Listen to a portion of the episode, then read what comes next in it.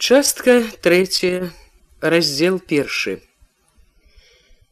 Калі паснедалі, мачыха не загадала ганні, як звычайна прыбраць са стала, не ўсхапілася і сама. Сядзела заклапочаная, нават нібы больш, як заўсёды важная, чагосьці чакала. Але бацька маўчаў, глядзеў на край стала, не бачачы ні стала, ні мачыхі, нікога, бацька заклапочана думаў заклапочанасць і нейкая асаблівая сур'ёзнасць важнасць была на тварах усіх дарослых чарнушкаў. Яна кінулася ў вочы нават хвечку які вылез за стола на дзіва ціха знік з хаты так што яго ніхто і не заўважыў. У юноў сушанык нізак дзесяць будзе падумаў нарэшце ў голас бацька. Хун ты трыці набярэцца сказала мачыха все такі грошы чарнушка пашкадаваў Грыбы сушаныя еты год кажуць не ў цане. Чарніц можна, Прося гаварыла той раз іх вельмі куплялі два нейкія купцы самога мозара прыязджалі. Картоплю на бровары бяруць, толькі што грэц яго дзешаво. Трасцу ім лепею на роўлю з'ездзі, А ў нароўлі не тое, там дык грошай насыплюць. Ну насыпаць не насыплюць, а болей дадуць. Аге, дадуць, спадзявайся бацька пашкадаваў кабанчык малаваты яшчэ месяцы б яшчэ тры пакарміць і цяліцца ой на адзін дзень не хопіць у мэнт змелюць усё як да стала дападуць у голасе мачыхі чуўся страх. Карова добрая была б Потым, як гаварылі яны пра кабанчыка і цялушку, Ганна здагадалася, што рэзаць іх дамовіліся ўжо раней, Можа, учора ўночы, калі яна была на двары, цяпер бацька проста адгукваўся на ранейшую гаворку. Як у прорву ядяць, не магла стрымацца мачыха. То ж на змовінах адных сколькі расходу далі, куды толькі здаецца падзелася, ну ведама ж чужое, А все ласы на чужыя каўбасы. Разорыць нас вяселле етыя, толькі ж і паддавацца вельмі сарамата, зять такі, Бацька не адгукнуўся на гэта, думаў аб нечым затоена заклапочана. Ужо сабраўшыся выходзіць, сказаў матчысе: « Ты масла збі к нядзелі, колькі можна. Мож яго толк будзе. Саб'ю. Гаворка аб тым, як узбіцца на капейку, што трэба зрабіць к вяселлю, зноў пайшла, калі сышліся абедаць. Цяпер у чарнушку здавалася ўсё толькі і думалі, меркавалі, што аб недалёкім вяселлі, якое ўнесла ў хату столькі рознага клопату. Прыбіраючы са стала посуд, Ганна чула, як матчыха бедавала, колькі трэба ўсяго смажанага, прэжанага, мяса, сала, яечні, каржоў, коржыкаў, аладак. Гарэлкі кеб нагнаць завод цэлы трэба. Гарэлкі будзе этого добра нараблю. Наробіш, глядзікі аб міліцыянер не нарабіў табе як наскочыць шабета будзе табе гарэлка. Не наскочыць. Не дурны ён будзе цяпер каля тваёй восіці ацірацца. Ну ён не дурны то я ж таксама. У такую глышыну апарат за пратору што сам міце ляснік грэц яго не знойдзе. Міце ляснік горкі куранёўскі п'яніца ведаў усе патаемныя схованкі самагоншчыкаў Дзе б хто не гнаў, міця знаходзіў, заяўляўся глынуць першаку. На сто вёрст чую, дзе самагонкую пахне, выхваляўся ляснік. Не кажы гоп не пераскочыўшы, сказала мачыха бацьку, а потым параіла: Трэ пляшкі дзве гарадской, калі хто чужы, бывае прыткнецца. Вып'яй нашай, цяпер паноў няма. А што самагонка, хто яе не гоніць? Бацька не даў мачысе пярэчыць, трэба падумаць, як маладую нашу прыбраць. Ён паглядзеў на ганну, якая пры гэтых словах перастала выціраць стол. Ну, чаго тут думаць, адзенем перад жаніхом сорам не будзе. Жаніх жаніхом, айке перад самімі сорам не было. І перад людзьмі, кебе адзета і абута была як трэба. Што купіць, пашыць трэба падумаць спадніцу новую справіць трэба паддзёўку пашыць. Ну паддзёўку можна з таго што я летась наткала са свайго можна. І на спадніцу е што ўзяць не купляючы. Спадніцу няхай са свайго а на кохту купіць трэба горача абазвалася Ганна. Еш кохта чырвоная ж заглядзецца. Дак працерлася ж на локці, латаная, самі ж знаеце. Кохту трэба новую крамную. Ну, няхай, трэба дак трэба, Я што? Я хіба суброць. Хіба я не хочу кеб як найлепей, Яна ж таксама сказаць маё дзіця, я толькі кеп расходу меней. Расход расходам, а кохту трэба новую. Трэба дак трэба, можна і чаравікі новыя справіць і хустку. Хустку да канешне купіць трэба неабыякую кашаміравую з кветкамі. Хустку трэба, чаравікі добрыя тыя, што ад маткі засталіся. Шчэ і дзецям будзе якіх народзіць. Чаравікі добрыя, лепшых не трэба. Ганна кінула позірк на бацьку. У нохіма надысь перкаль бачыла белы дзяшовы. Ну, дык от і купім яго і годлі занясем пашыць. От толькі картоплі прадаць ды на кірмаш з'ездзіць, кеп капейка была. Гэтым спрэчка пра кофту і скончылася. Праз дзень чарнушка завёз воз бульбы аж за прыпяцю на роўлю, а ў нядзелю стаў выпраўляцца ўжо ў юравічы на кірмаш. Ён устаў яшчэ да ўсходу позняга ў гэтую пару сонца, запрох каля павечы коня, вынес адну за адною дзве звязаныя авечкі, прывязаў у задку воза да ручак. Калі пад'ехаў да хаты, жонка пачала з ганнай зносіць і ладаваць у возе тое, што было падрыхтавана на кірмаш. Нізкі сушаных грыбоў, у юны, густа начапляныя на дубцы, лутавая коробачка з сухімі чарніцамі, гаршчок з маслам, ўсё клалі ў сена, заторгвалі, рыхтавалі к дарозе.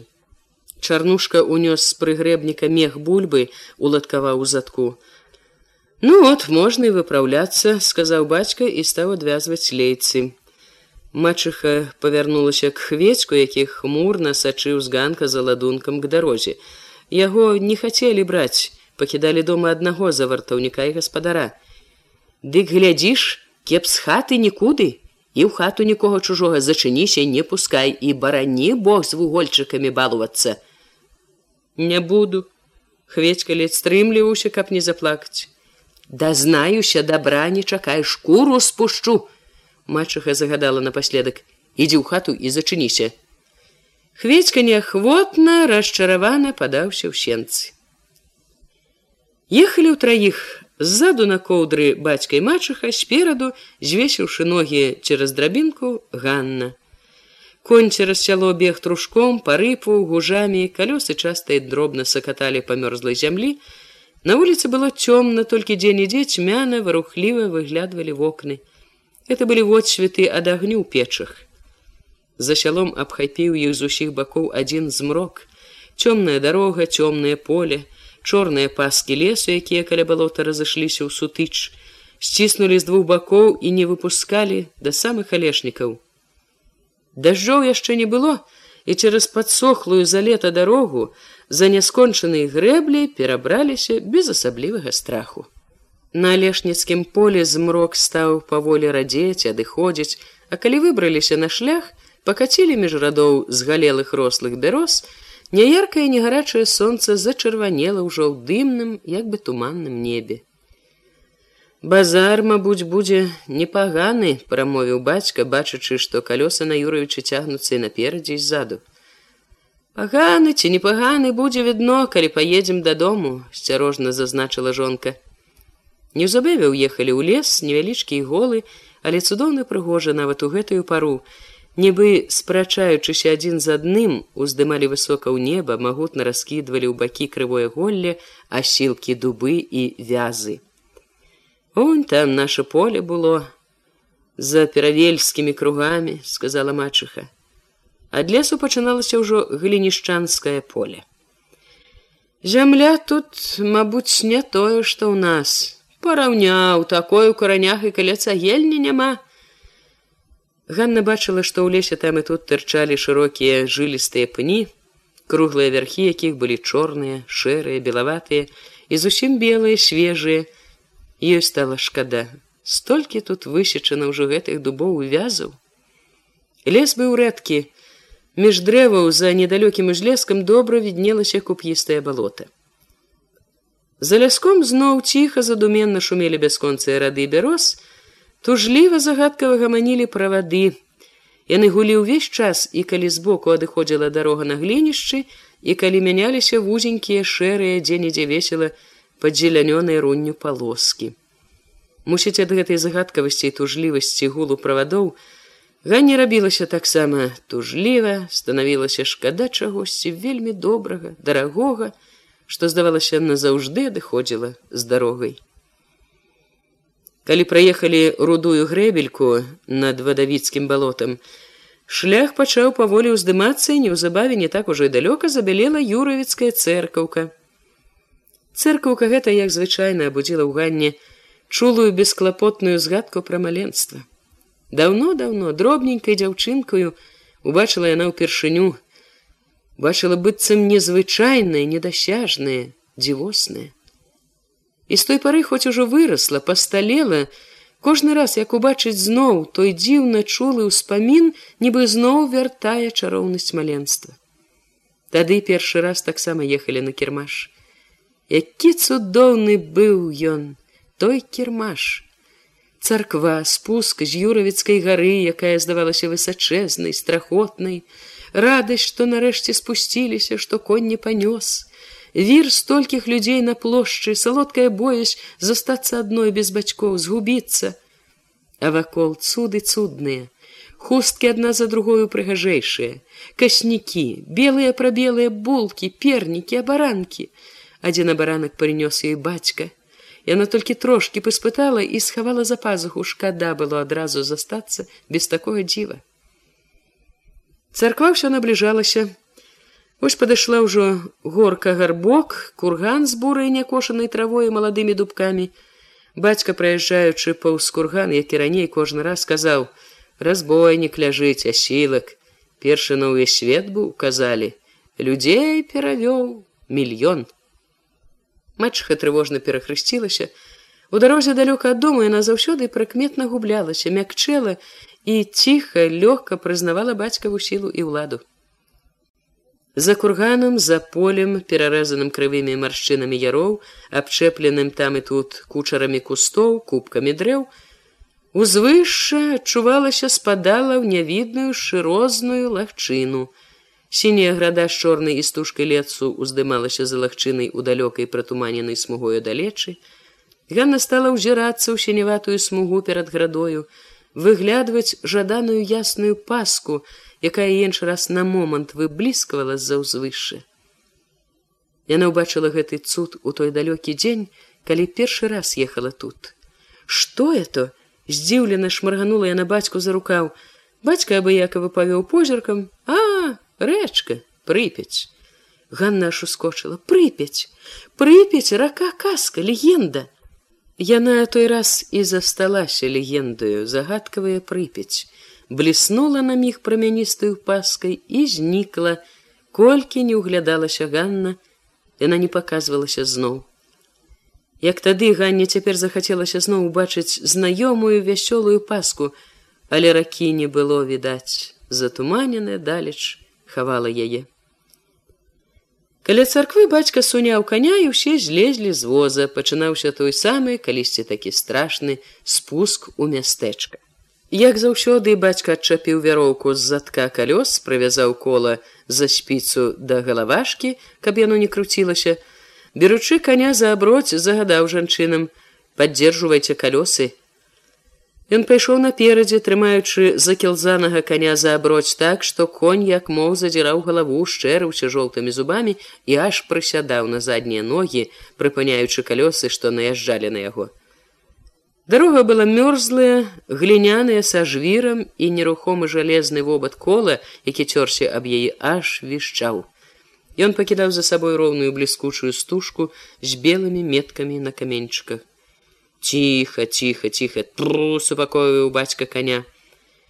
Что гэта была за дарога незвычайная дзіўная непадобныя на ўсе іншыя дарогі ў балотнай старане паволі паварочваючы яна ішла ўніз і ўніз абрэзаная з бакоў двума глыбокімі раўчукамі па якім дажджлівымі днямі раўлі потокі вады Разам з тым, як дарога спадала глыбей і глыбей, абапал яе раслі і раслі горы з размытымі дажджом берагамі, з дрэвамі, што віслі, выстаўляючы карэнне. Уздымаючыся, горы ўсё больш і больш затулялі неба, здавалася, падпіралі яго, і кусты і дрэвы, што раскідвалі галіны свае як крылы, як бы збіраючыся паляцець, былі ўжо не на зямлі, а на небе. Над самай высокай стромай гары тырчаў з пяску вялікі аблізаны камень, гатовы кожны момант рынуцца ўніз, і ганне стала жудасна, што калі ён цяпер.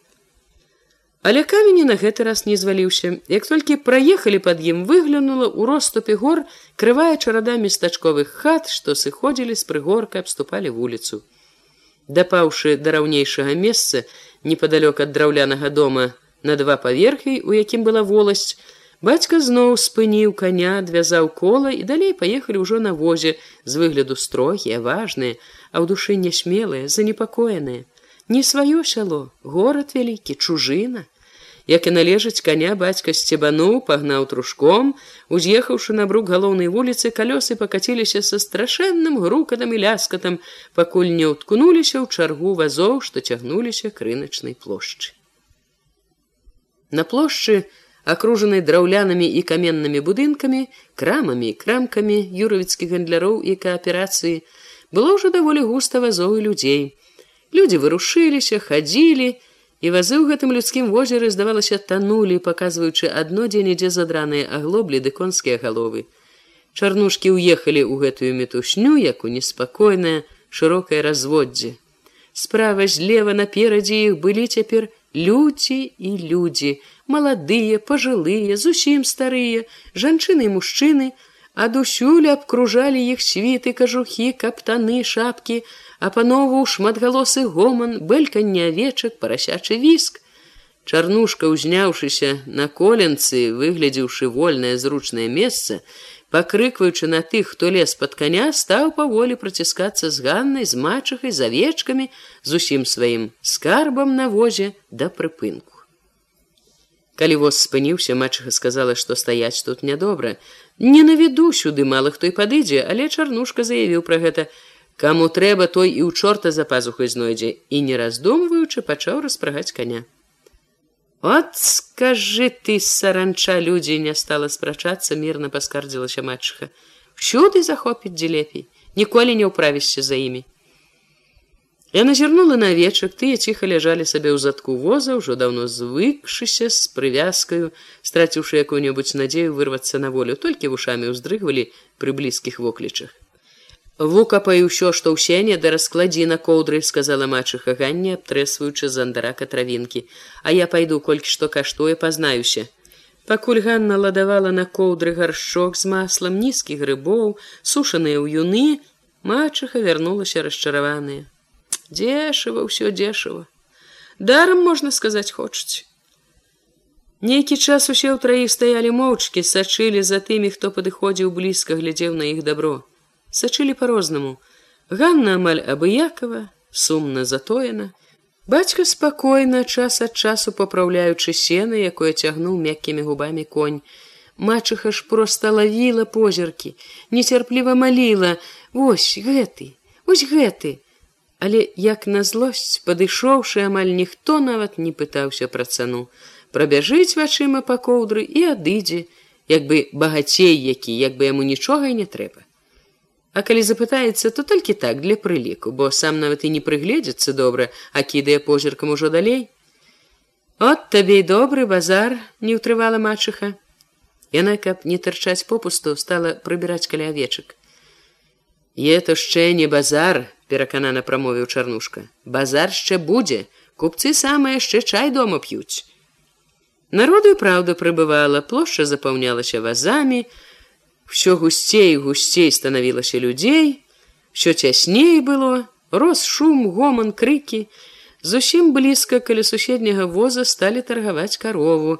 Жанчына, завязаная зрэбным шмаццём замест хусткі і мужчына ў абношанай абадранай свіце, напэўна, муж і жонка. нясмела неяк падазрона аглядвалі, абгладжвалі, мацалі рудую рагулю, недаверліва слухали другіх жанчыну і мужчыну, якія расхвальвалі свой скарб. Хваленне гэтае было відаць не толькі не ўлагоджвала купцоў, але нават павялічвала іх недавер'е.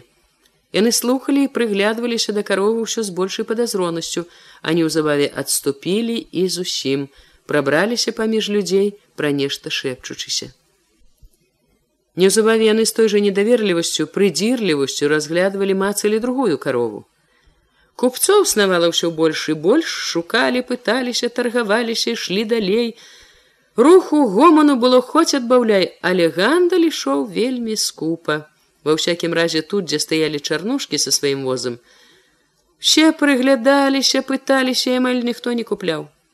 Ні Ганну, ні бацьку, яе такое становішча ніколі не здзіўляла. Яны былі самі такія ж людзі, як людзі, што снавалі перад імі. Някіткі, разважлівыя палюшукі, ледзь не кожны з якіх сто разоў прыцэніцца перш чым купіць. І чаго тут было здзіўляцца, калі прадаўцоў так многа, а грошаў у купцоў лічаныя капейкі? Не здзіўлялася і матчха толькі ж вельмі сумна было стаяць і дачакаць попусту. І нудзячыся пакутуючы злуючыся яна як бы не магла ўжо бачыць што чакае попусту. Марнее не адна што так жа марнеюць амаль усе.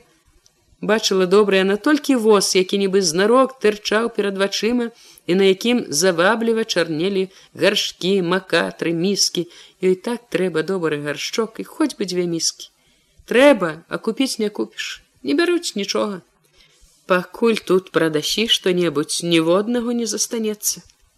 Трэба ж такое. Там як на ліха ціснуцца жанкі круцяць перад ёй недаступную чырвань гаршкоў быццам дражніць застануцца абыякова сказаў чарнушка не етыя дык другія матчаха не магла ўтрымацца. Швендаюцца швендаюцца разявы. Толькі з панталыку збіваюць другіх. Тут хіба дабрацца за іх купцу? Дабярэцца калі появіцца дабярэцца аге. Мачыха не верыла. Не верыла яна і тады калі купец гэты нарэшце падышоў хоць чула што ён не разявака што пытаецца па чым у юны не так сабе купіць хоча. Яна ведала у юноў блізка не прадаюць заламала паўрубля за нізку купец здзівіўся паўрубля а што ж дорага можа Яна прамовіла так, нібы гаварыла: « Ды ці павернецца язык у каго-небудзь сказаць такое, а сама са страхам сачыла, ці хоць не напалохаўся, ці не збіраецца адступіцца. Стараючыся не выпусціць, заспяшалася мякка і лагодна, ну вы ж паглядзеце. Колькі іх тут у адной нізцы, Вы ж паглядзіце колькі, я і палічыць не палічу. Столькі за цэлы дзень не набярэш. Яны ж як забярэцца ў твань, который капай, пакапай, пакуль не выкапаеш, тут жа мяса таго толькі што яны сушаныя а мяса якое. Это не якая там смярдзючая рыба. Уюн! Уюн то ўюн! Купец яўна збіраўся адыходзіць мачыха бачыла гэта. Надзея гатова была вось вось прапасці. Чарнушчыха за чаем падалася да купца. Ну добра. Дорого а вы скажэце сваю цану. По девятнадцать по девятнадцать да где-то ж! Я ж вам і так можна сказаць за нішто аддавала. Мачыся зноў трапіўся на вочы воз з гаршкамі. Ну няхай бярыце колькі штук Ён браў усе дзесяць нізак хопіць мабыць і на гаршчок і на дзве міскі павінна хапіць ешце на здароўечко ледь чалавек адышоў затульваючы нізкі рукавом паліто мачаха сціснуўшы грошы ў кулаку хутчэй заспяшалася да воза з гаршкамі міскамі яшчэ здаецца не позна не ўсё прададзена толькі хутчэй трэба ўжо зусім мала астаецца а жанчыны ідуць ідуць яна вярнулася назад паспакайнелая шчаслівая. От прыдбала. Мачха позвонила по гаршку сухімі костачкамі пальцаў паслухала. Гамоніць як званы посуд дабрэнны толькі што дарагавізна. Абгарнуўшы міскі гаршчок сенам укладвала іх у возе так каб барані бог не разбіліся ці каб не ўкраў які хто-небудзь лайдак злодзей якіх тут бадзяецца процьмы Калі зноў пачала выглядваць купцоў, заўважыла неспадзявана ў натоўпе паявіўся яўхім. Ён ішоў з ларывонам, павольна штурхаючыся, з папяроскай на губе паглядваў на ўсіх задаволены і задзірлівай смешачкай эх вы людзі мурашкі метуслівыя драбяза! П'яны? Ці так проста схмялеў? Малады багаты улады! Все ўдаецца бы захацеў. Зачапіць мабыць хочацца каго-небудзь кеп паказаць які ён мачыха замахала рукой я ў хімко ён заўважыў чарнушкаў падышоў да іх Ну як торг голасна зухавата запытаўся Яўхім, акідваючы позіркам тое, што ляжала на возе. Э, ды вы тут завечка мяне ўрокам баіцеся разлучыцца. Ён зарагатаў: Не бяру цявечак грэц яго спакойна сказаў чарнушка. І не глядзяць яўхімку. А мы думалі, што разлучыцца баецеся, падтрымаў Яўхіма Ларывон. Ён як бы чакаў, што і Ганна засмяецца на жарт, але ў той нават кончыкі губ не варухнуліся. Яўхім стрымаў рогат, глядзеў усё ж весела. Дак кажаце авечкі прадаеце. Дак чаго ж іх не купляюць? Купцоў унь колькі. А купцы сказаў: Ражавакі е то яўхімка не купцы. Е ражавакі, а е купцы, трэба толькі ўмець знайсці іх, ды зачапіць на кручок. Зачэпіш іх. Яўхім раптам адарваў праклееную цыгарку, кінуў пад ногі, рашуша сказаў прыяцелю: « Ларывон, трэба купцоў знайсці на авечак. Ну, калі трэба, дык хадзем. Зірнуўшы на ганну, Яўхім спрытна павярнуўся і ўрэзаўся ў натоўп. Каршуковым позіркам азірнуўся, пашукаў, штурхаючыся, адціскаючы ў бок тых, хто трапляўся на дарогі, рушыў з ларывонам, які верна дыбаў услед у мітусню між вазоў. На іх абарочваліся, лаялі іх, а яны не азіраліся. Вось прысталі да адной групкі людзей паслухалі, да другой прыблізіліся. Вярнуліся з гарадскім чалавекам у кароткай паддзёвацы з заечым каўняром і ў пальчатках. Спачатку у двух купец і ларывон. Яўхім падышоў толькі пасля таго, як чалавек паглядзеў авечак і стаў прыцэньваецца. Падышоў нібы незнаёмы, падміргнуўшы чарнушкам, каб маўчалі, сур'ёзна голасна запытаўся, чые авечкі, Ларывон адказаў: Ды тут уже ео купец. Яўхім грубавата штурхнуў чалавека, як бы адціскаючы яго. Ну мало што е. Мы паглядзім яшчэ, хто лепшы купец. Ён зірнуў на чарнушку ваши авечкі. Мае. Не лезь, як бы зазлаваў Ларывон. Тут уже е купец, ён першы прыйшоў, яго чарга першая, не сунься, чуеш, не замінай. Першы ды горшы ён год таргавацца будзе. Яўхім здавалася, хацеў, чтоб не было перахапіць авечак. Ён нават палез рукой пад паддзёўку, як бы хочучы дастаць грошы, але калі скоса зірнуў на купца, убачыў расчаравана той і не думаў хапацца браць авечак. Аддаваў сваё права яўхіму, не спрачаючыся нават ахвотна. Не зачапілі, падумаў яўхім. Не ўдалася гэта выдумкай з другім купцом, якога прывёў ларывон і толькі трэці задзірысты кірпаносы вясковы хлопец у расшпіленым шанялі, калі Яўхім нахабна ў лесу яго гаворку з чарнушкам абурана загарэўся, а вечак я напытаў: Мала хто напытаў, напытаў не купіў, Яўхім палез к чарнушку, па чым прадаяце? Хлопец раззлаваны адрэзаў: я бяру авечак, Ён ашалела выхапіў з кішэні гімнасцёркі, кашалёк стаў адлічваць акуратна згорнутыя рублі, важкія медзякі. Рукі яго з крывымі неспакойнымі пальцамі непаслухмяна дрыжалі. Эх, дзешава прадалі, пашкадаваў Яўхім голас. Я болей даў бы. Ён падміргнуў ганне, якая сачыла за ўсім дзіўна сумна. Я дышоў быццам бы незадаволены. Аднак як толькі хлопец у шынялі, ведучы ўжо сваіх авечак адышоў ад чарнушкі, Ён вярнуўся да воза, гарэзна голасна зарагатаў щёткі адзін папаўся. Мачыха павесялелая, амаль шчаслівая глянула на яго з захапленнем. Ось жа малайчына, зух! Ой, дзякуй табе, яўхімку, выручыў ты нас, ну выратаваў проста, бо мы тут да вечара пратырчалі і то ці збылі б. Глядзець ніхто не хацеў, згодна адгукнуўся ганнен бацька.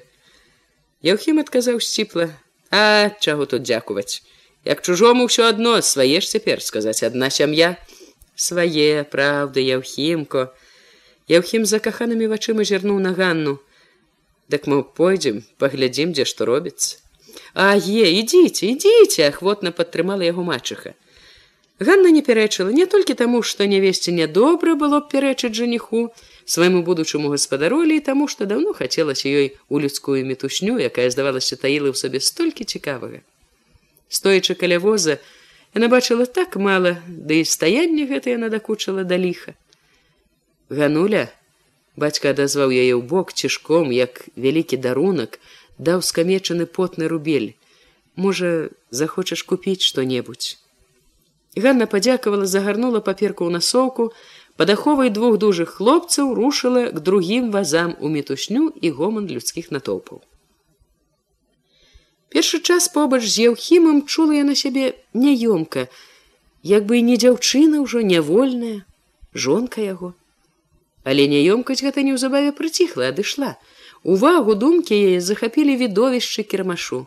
Ось дзед стаіць абапёршыся на воз мабыць чужы стаіць нібы дрэмля на плячах дзеда вісне нізка звычайных лазовых лапцяў здаецца не прадаў ні аднаго а колькі корпаўся з імі як пэўна натаміўся цягнучы сюды старымі нагамі Жанчына таксама немаладая хваравітая трымае на руках ношаную пафарбаваную лушпайкамі цыбулі зрэбную сарочку. Яшчэ адна завозам са скруткам палатна. Хлапчанё бялявая з насцярожанымі дзікаватымі вачыма прадае шапку кубанку, скураны верх яе вышмараваны да белага. Украў, падскочыў раптам да яго яўхім. Сам ты ўкраў. А от зараз праверым, от зараз суміліцыю заві сказаў хлопчык адважна. Потым неспадзеўкі яны вырухнуцца не ўправіліся, мільх і знік між вазовы людзей. Ат шпана пакруціў галавою яўхім рагочачы з адабрэннем, як верабей, з дзеддома, мабуць. Яўхімі цяпер ішоў штурхаючыся, весела задзірыста прыкрыкваючы, каб расчысціць дарогу, там і тут спыняўся каля вазоў, каля людзей, якія прадавалі, разглядаў жывёлую тавар, быццам прыцэньваўся цётка пачом шкілета этого прадаеш запытаўся ён паказваючы на карову што задуменна жавала сена карова была як карова не вельмі і худая цётка пакрыўдзілася сам ты шкілет байструк салдацкі. Я не байструк цётка мне і тату і матка е от яны знаюць. Яўхім кіўну на ганну і ларэвона. Ларэвон пацвердзіў е отчуеце а пра шкілет я так смешкамі а вы уже ругацца. Хіба ж я не бачу, што карова у вас хоць на выстаўку. Малака, мабыць, дае заліцца. Жанчына глянула недаверліва, прамаўчала, але Яўхім не адступіўся, вельмі сур'ёзна, дзелавіта запытаў: « Дык па чым жа прадаеце? Жанчына завагалася. Трыццаць, як аддаць? Дораго. Яўхім аж губы паціснуў, столькі заламала. А ты сколькі б даў? і бясплатно не ўзяў бы такую здыхляціну. Ён зарагатаў проста ў вочы ашалелай жанчыне і пайшоў сабе далей. Ларавон падаўся ўслед таксама душачыся рогатам. О тупёк, Упёк да купёк.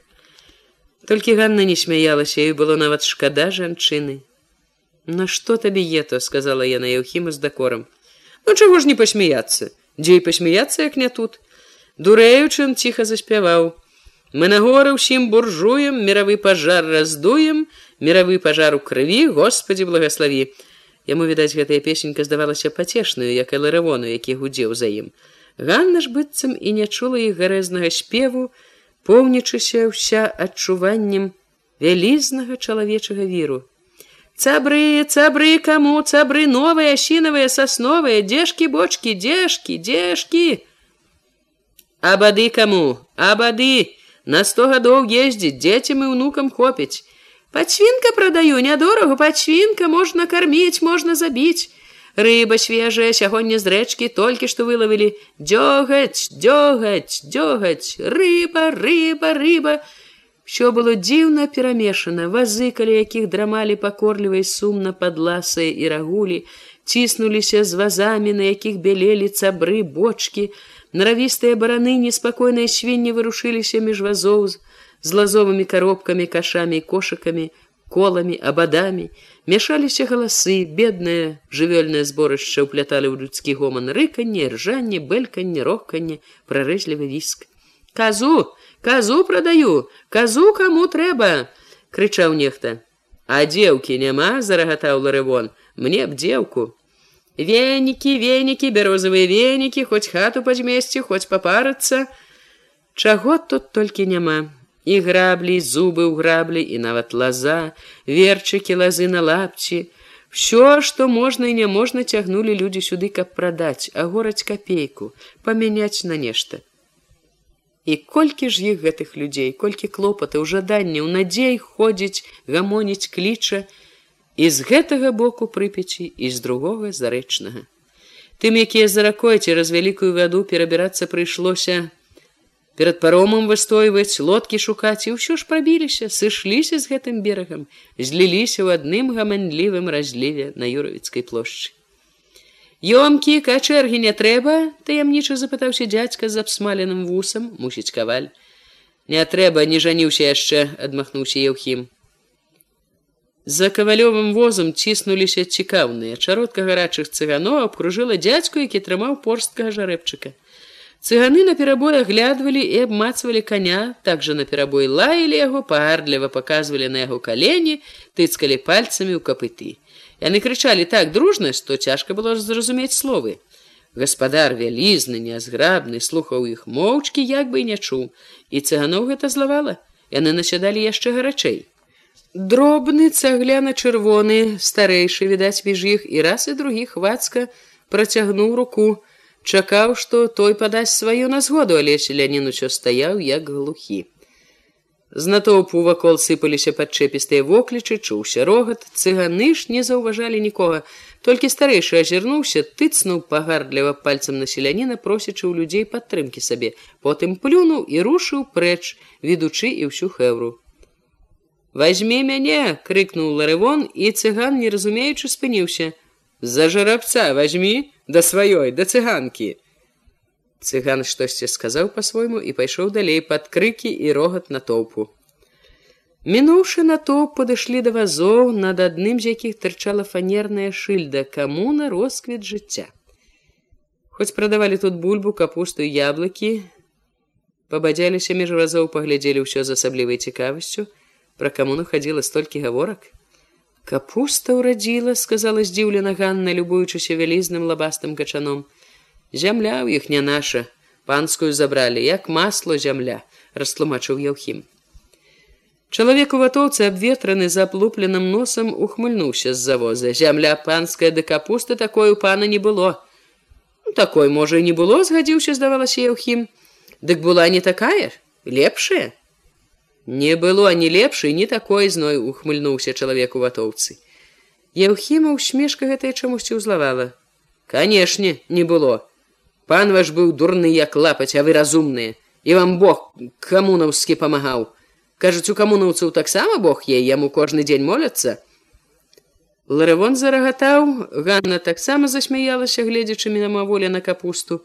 Ну і качаны е канешне бог а як же не без бога все кажуць ад бога ага узрадаваўся ларавон а як завуць вашага бога по партійнаму карло маркс Навука яго завуць, агратэхніка. Ха-ха, абратэхніка, як жанчыну ці што? Ларавон хацеў яшчэ штосьці сказаць гарэзнае, але зірнуўшы на яўхіма, які не думаў смяяцца, перамаўчаў. Ерунда! Агратэхніка ваша это зямля, от што Бог. Е зямля добрая, дык і ўсё будзе. А качаны етыя выраслі ў нас між іншым сказаць і не на зямлі. Чалавек ухмыльнуўся яшчэ хітрэй. На балоце. Ганна не поверыла на яком балоце? А на звычайным на дрыгве у якой коні тапіліся? А сушылі от калі ласка качаны. Ганна зірнула на чалавека смяецца напэўна байкі гаворыць але той не смяяўся трымаўся так нібы ўсё праўда. Як бы хочучы дазнацца праўду ці няпраўду сказаў чалавеку ватоўцы взяла на руки качану зважыла. Важкі ж які! Памацала не качан дзіва. І на балоце падумаць! Еўхім узяў яе за локаць пазваў адыходзячы кінуў чалавеку. Прыязджайце к нам капусту садзіць. У нас балото вялікае ларывон засмяяўся за камунаўскімі вазамі яны наткнуліся на будачку збітую з дошчачак над якой на чырвоным палатне былі намаляваныя дзве рукі ў поціску і надпіс горад і вёска злучымся ніжэй палатна была прыбіта шыльдачка саўгас шлях да камунізма. У ларку прадавалі мяса. Сек і важыў мяса малады хурдарлявы хлопец у белым халаце. Все трое убачыўшы гэты халат сталі. Як доктор не ўтрываў ларывон як усё адно ў бальніцы якой? Яўхім коса зірнуў на ганну працадзіў. Культура! Шлях да камунізма! Яны былі ўжо з краю плошчы каля будынкаў у якіх мясціліся крамы. Яўхім успомніў як бацька даваў ганні грошы запытаў. Табе здаецца купіць нешта трэба? А дробіш розную. Я потым з мачыхаю Ё не хацелася каб Яўхім стаяў бачыў як яна будзе выбіраць гузікі аплічкі інтымныя дзявочыя драбніцы Ну дык можа сюды зайдзем. Яўхім кіўнуў ёй і ларывону на дзверы па баках якіх на высокіх і вузкіх шыльдах былі намаляваныя міскі, лыжкі, бутэлькі і чаркі. Шыльды былі вельмі падобныя на тыя, што віселі на дзвярах у шаўцоў і краўцоў, толькі што тут замест ботаў ды шапак красаваліся міскі і бутэлькі. Над аблезла сінімі міскамі клубіліся шэрыя воблакі, Чаркі таксама былі поўныя нечым шэрым. А што там рабіць нам запярэчыла Ганна. Ну што тое, што і другія. Яўхім падміргнул рывону. Ну морсу вып'ем, сушыць нешта ў горле. Яўхім амаль сілком увёў Ганну ў памяшканне, у якім за столікамі сядзела нямала людзей, што пілі, ели гаманілі. Яўхім знайшоў каля століка ў кутку два вольныя зашмальцаваныя табуреты, прынёс сабе яшчэ адзін і пайшоў к буфету. Пралезшы цераз чародку людзей, якія таўкліся там, ён пагаварыў аб нечым з тоўстым паголеным чалавечкам, гаспадаром сталоўкі ёселем і вярнуўся да стала з трыма налітымі шклянкамі. Я то нам паставіў ён шклянкі з гарэлкаю сабе ларывону, потым урачыста паднёс шклянку з віном ганні, а ето табе. Ганна сказала, што піць ёй не хочацца хочацца не хочацца трэба выпіць калі угашчаюць ад угашчэння адказвацца няможна ён засмяяўся прывыкай прыйдзецца яшчэ папіць хлапчук ёселіў сын прынёс хлеба закускі гуркоў котлеты з патоўчаную бульбой. Сам ёсель рухавы ў вішны з чорнымі вясёлымі вачыма подбег сталерачка на якой быў ружовы брусок нейкага печыва. Мергнуў яўхіму як знаёмаму. Калі ласка для дамы. Вам па заяўцы вашага кавалера. Ёсель паставіў талерачку. Еўхім можа яшчэ чаго трэба? Еўхім па-сяброўску ляпнуў ёселя па плячы. Пакуль хопіць е таго калі ёсель адбег буфету яўхім задаволены што можа ўразіць ганну такую навінкай прамовіў. Пірожнае.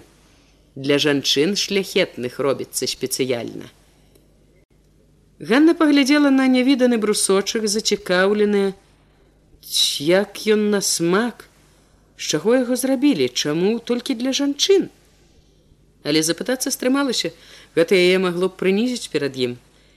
Ехім узняў шклянку паднёс даганненай вып'ем кеб усё добра было.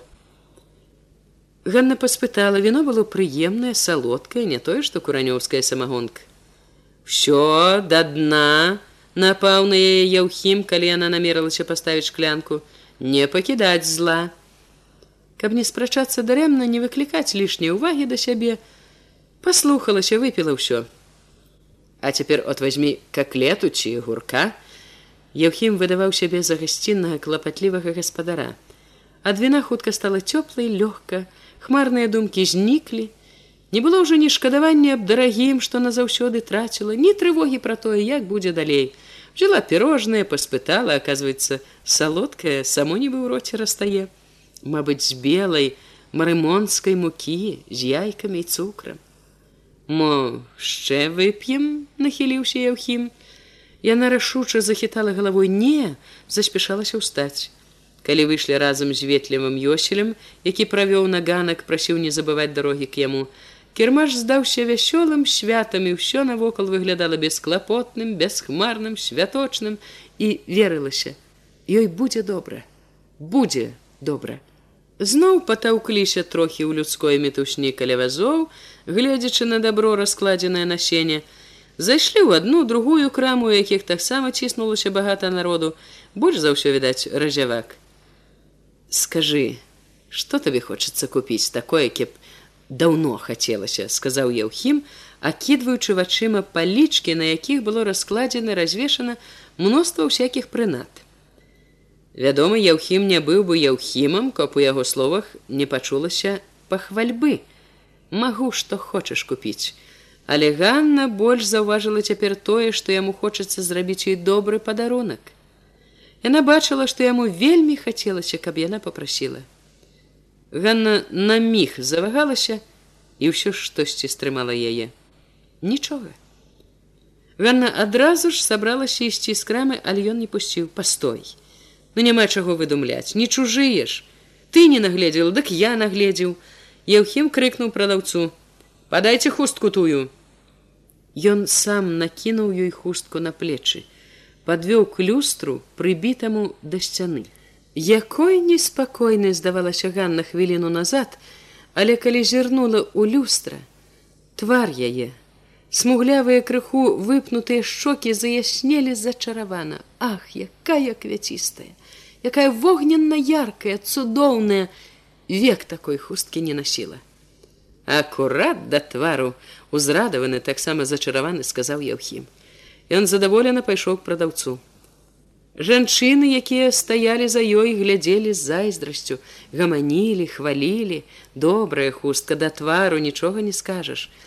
Ганна ж не магла вішнёвых воч сваіх адарваць ад люстра, а шчасліўленая, замілаваная, ці яна гэта, такая незнаёмая, такая паглядная, такая, штосьці раптам занепакоіла, штосьці нібы дакранулася да чулай шыі дзіўна холодная, і гарачая. Яна не разумеючы мімаволі павяла няцямным позіркам, і гарачая чырвань у момант заліла яе твар. Васіль. Калі ён увайшоў, ці можа быў ужо між людзей тады, калі яны з яўхімам паявіліся, Ганна не ведала і не думала пра гэта. Яе ўсё поўніла неспадзяванае відовішча Васіль. Яны глядзелі адзін на аднаго, позіркі іх у люстры скрыжоўваліся. Толькі момант было гэта. Васіль знік з люстра гэта раптоўна, як і паявіўся. Але хоць яго не было відно, яна не магла варухнуцца. Ён нібы скаваў яе. І не бачачы яго, яна чула дзікаваты, важкі і разам з тым разгублены позірк з-пад лба, крыўду і роспач на яго самалюбных губах. Гарачынь, чырвань сораму ўсё не сыходзілі з яе твару і якое недарэчнае было тое, што сказаў вярнуўшыся Яўхім. Ну вот і канцы з канцамі, відно, што нявеста. Яе абразіў яго смех. Падарыў, а ўсё адно як сабе, не з хаты, а ў хату. Ад гэтага смеху Ганне захацелася плакаць. Выходзячы з Яўхімам, яна падумала пра высяля. Тут ён яшчэ ці пайшоў, але поўнае неперажытага хвалявання азірнуцца не пасмела. Быў Васіль ці не быў у краме, а ёй здавалася, што ён каля яе сочыць за ёй. На ганку, стараючыся не сустракацца позіркам з яўхімам, яна сказала, што трэба ісці назад, бацька і матчха даўно зачакаліся. Хай прывыкаюць, не столькі яшчэ чакаць прыйдзецца. Ён заўважыў, што яна спахмурнела, незразумела перайначылася, але распытваць не стаў. Яго быў па-ранейшаму бесклапотны настрой, непадатны для падазрэнняў ці якіх-небудзь непрыкметных думак. Я дайду уже адна, сказала Ганна, калі ён трохі правёў яе. Яўхім не пярэчыў, не здзівіўся ці зрабіў выгляд, што не здзіўляецца, моўчкі адышоў. Яна была рада, што ён лёгка адстаў. Увесь час пакуль стаяла з бацькамі каля воза, не сціхаў у ёй успамін пра Васіля, пра яго паяўленне, пра яго позірк. Трэба ж, каб так здарылася. Думала, ўсё з ім кончана, застаецца толькі забыць. І вось жа сустрэча гэтая, як зачырванелася, не згарэла ледзь, нібы скрадзеным злавілі. Застаўшыся адна без Яўхіма і Васіля, яна старалася абдумаць усё, вярнуць сабе разважлівую яснасць. Не, не, я няма чаго саромецца. Усё, што было з Васілём кончана, просто не прывыкла яшчэ, але прывыкне. З задумак сваіх яна амаль не чула незайздрослівага мачышынага войкання, О, якая хустка, ні бацькавага неспакою аб тым, што людзі ўжо раз'язджаюцца, а мех бульбы так і ляжыць. Бацька запрох каня, каб ехаць дамоў, калі кім падышла чарнявенькая кволая дзяўчына, каротенькім гарадскім палітой шапатцы запыталася, ці не маюць яны бульбу. Бацька так узрадаваўся гэтаму, што не стаў таргавацца. Уже не думаў, што купец знойдзецца, як Бог паслаў на шчасце, дык хай вам карысць будзе. Богам пасланы купец попрасіў, каб бульбу завезлі на кватэру. Калі ехалі мачыха з вясковай гаварлівасцю паведаміла: « Грошы вельмі трэба, дачку от замуж аддаём. Белы нездаровы тварак дзяўчыны павярнуўся да Ганны. Віншую, добры хлопец мусіць. Да як сказаць, не гарбаты, не кульгавы, не горшы за другіх здаецца. Добры, красивый, багаты мяшалася матчха я ўхім глушакоў а прамовіла дзяўчына далікатна зірнула на ганну пільнымі дзіўна строгімі вачыма вы любіце яго Ганна не адразу адказала подумала худзенькая якая нібы нядужая ветер здаецца пад німі панясе як пушынку а вочы такія строгія люблю ці не люблю? Ці ўсім канешне любіць выходзячы кеб усе ішлі толькі тыя што любяць дык болей за палавіна ў дзеўках век сядзела б і все ж такі як жа жыць без кахання а так і жывуць. Серпіцца злюбіцца кажуць. Дзяўчына прамовіла любуючыся дзіўна спачуваючы вы такая прыгожая! За яўхімам пражыве прыпяваючы зноў умяшалася матчха само шчасце сказаць у рукі ёй прыйшло! Дзяўчына не адказала на гэта, запытала з той жа строгасцю: « Хорошае сяло ў вас. Нічога, Грыбоў, процьма, маліна, ягады ўсякія, канешне, не тое, што глінішчы, а ўсё-такі нічога. Мачха пацікавілася: « А вы хто ж самі будзеце? Нешта не бачылі мы вас ніколі. Я в мозары жыву, вучуся, а тут у дзядзькі ў гасцях. Строгія вочы памякчэлі, настаўнічаць к вам ад прыеду на той год канчаю. У яе аказалася такая мілая усмешка, пяшчотная з ямачкамі і рот прыгожы маленькі, добры. Прыязджайце, толькі школы ў нас няма. А пашкадаваў добры раток. Дзяўчына мачыха дазналася ўжо, што яе завуць паразка, прывяла воз на двор воласці, сказала, што яна жыве тут на першым паверсе з боку двара. Ледзь толькі ўехалі, як на ганак выйшаў апейка, і дзяўчына радасна крыкнула яму: « Ну от я купіла. Яна гарэжліва пахвалілася і нядорага. Пакуль чарнушка наматваў лейцы на ручку, апейка паставіў мех і прысеўшы пачаў прыладжвацца плячыма, каб лапчэй узяць на сябе. Чарнушка не чакаў такога, як неяк валасное начальства, няхай сабе з простых людзей паспрабаваў быў паправіць становішча.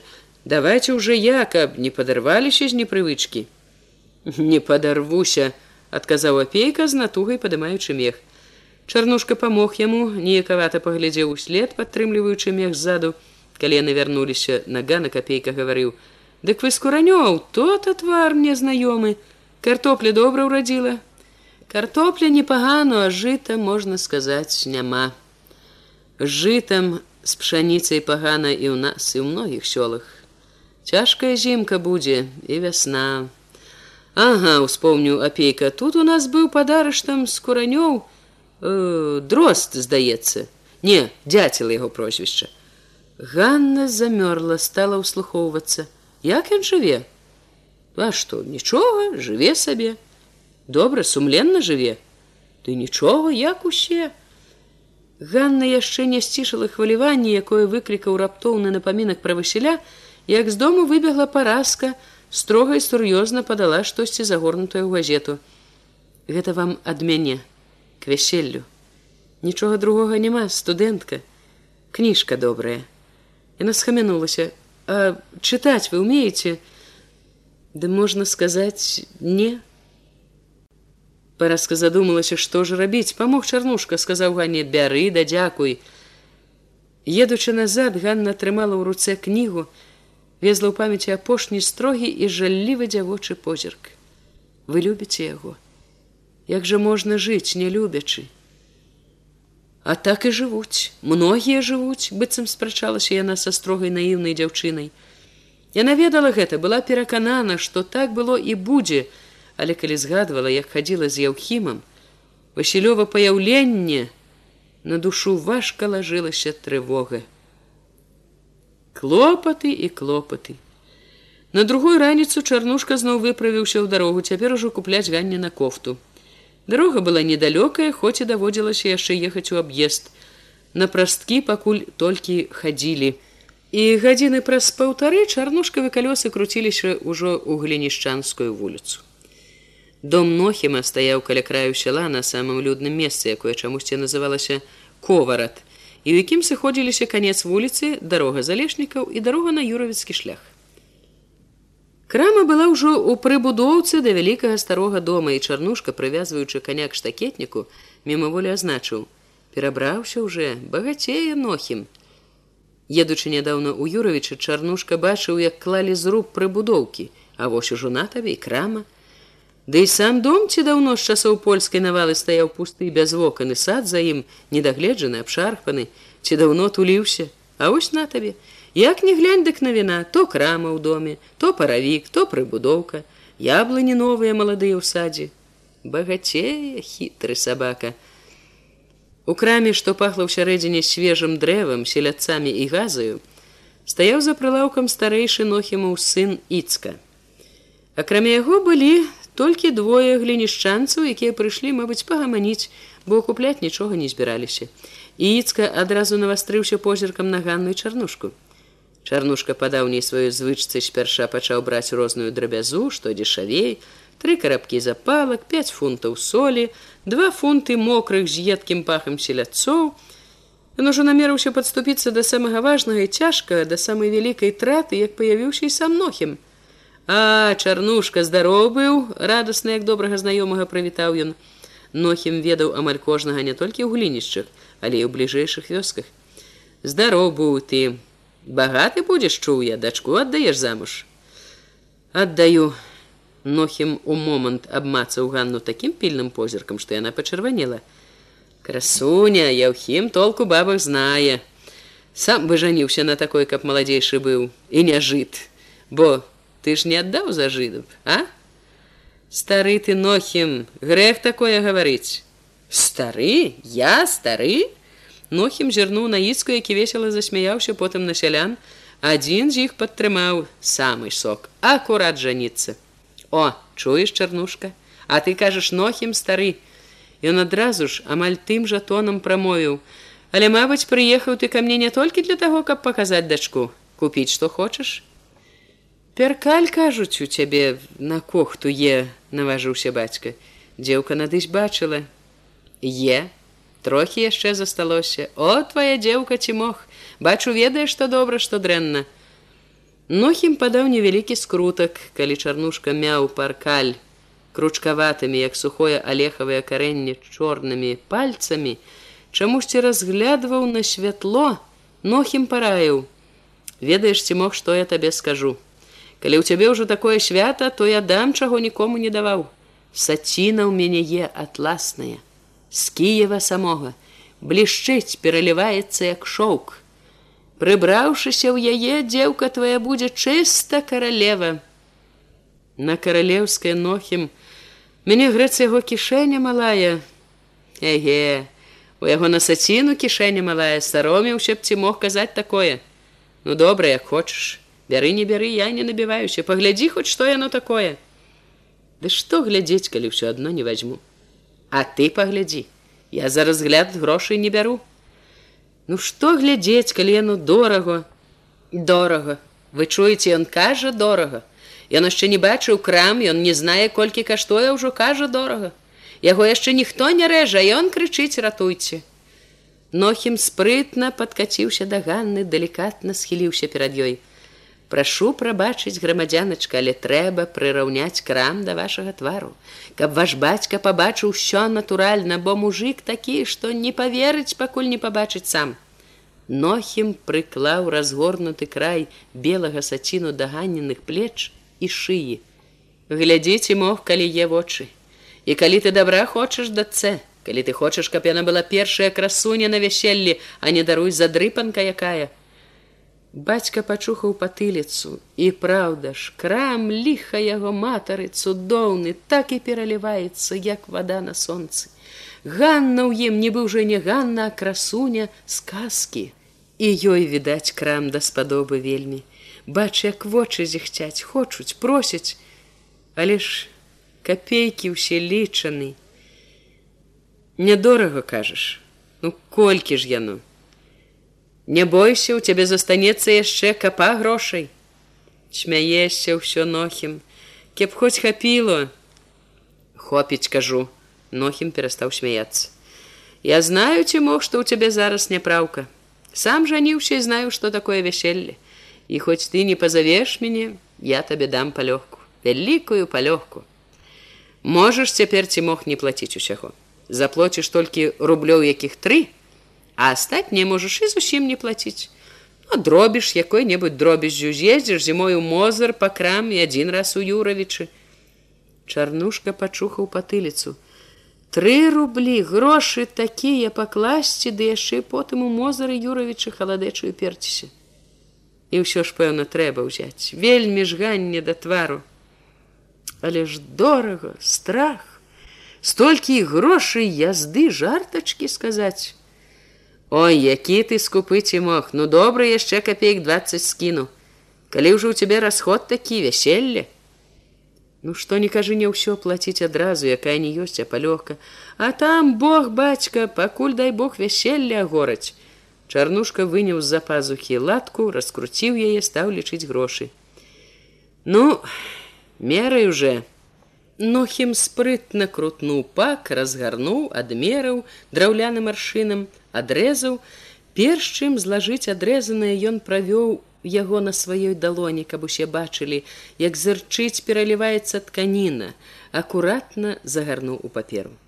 Насіце на здароўе, мадамазель дзяўчынай, будьце шчаслівыя ў гэтай кофці. З нохімам ужо загаварыў другі пакупнік, але калі чарнушка пайшоў да дзвярэй гандляр перапыніў гаворку пацікаюся а дзе ты ці мог шыць будзеш такі крам сапсаваць не штука да вот думаю ггодлі ідзі ггодлі чтоб ёй на тым свеце сто тридцать три разы перавярнуцца за кожны дзень за яе паганы язык якім яна менціць усякую несусвеціцу на нохіма Але нохім не злы, не помсціць. Ён прадае крамы, сам пасылае людзей, каб падтрымаць гэтую дурную бабу, якая гатова ні за што ўтапіць свайго чалавека.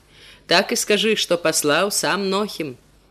Годля жыла блізка у чорнай паточанай шашалем хатцы з чорнай саламянай страхой і дробнымі акенцамі.